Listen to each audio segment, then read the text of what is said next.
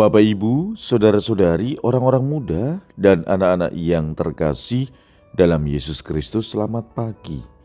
Salam bahagia dan salam seroja untuk kita semua, berkah dalam. Bersama dengan saya, Romo Antonius Garbito Pambuaji, menyampaikan salam dan berkat Allah yang Maha Kuasa dalam nama Bapa dan Putra dan Roh Kudus. Amin.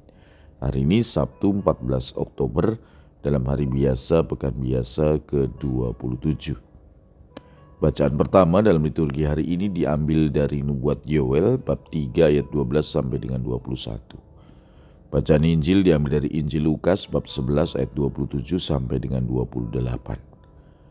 Pada suatu hari ketika Yesus sedang berbicara kepada orang banyak, berserulah seorang wanita dari antara orang banyak itu dan berkata kepada Yesus, Berbahagialah ibu yang telah mengandung dan menyusui engkau.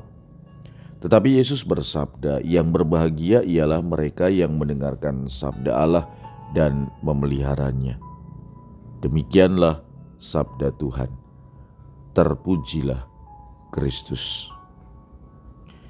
Saudara-saudari, kalau kita membaca Injil hari ini, sekilas nampaknya Yesus menentang pujian dari orang banyak kepada bundanya Maria. Namun, Yesus sesungguhnya ingin memperlihatkan keutamaan seseorang akan nampak ketika ia hidup sesuai dengan kehendak Allah dan melakukan kehendak Allah. Apa yang diungkapkan oleh Yesus merupakan pujian kepada Bunda Maria. Sebab Yesus mengakui bahwa Bunda Maria pertama-tama adalah seorang yang melakukan kehendak Allah. Maria pertama-tama telah mengandung dirinya Sang Sabda Allah. Dalam hatinya sebelum ia mengandung Kristus Sang Firman itu, di dalam tubuhnya dia mengatakan, "Terjadilah padaku menurut kehendakmu." Ketaatan Maria kepada kehendak Bapa inilah yang menyatukannya dengan Kristus melebihi dari hubungan darah.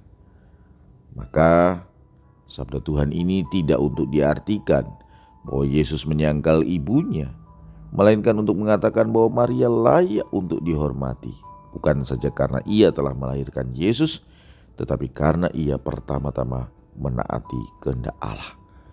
Oleh karena itu, marilah kita belajar dari teladan sabda Tuhan hari ini.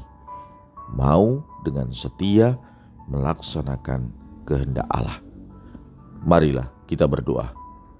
Ya Tuhan, melalui pengantaraan Bunda Maria kami mohon Engkau senantiasa membawa kami dan mengingatkan kami untuk setia melaksanakan kehendak-Mu. Berkat Allah yang Maha Kuasa dalam nama Bapa dan Putra dan Roh Kudus. Amin.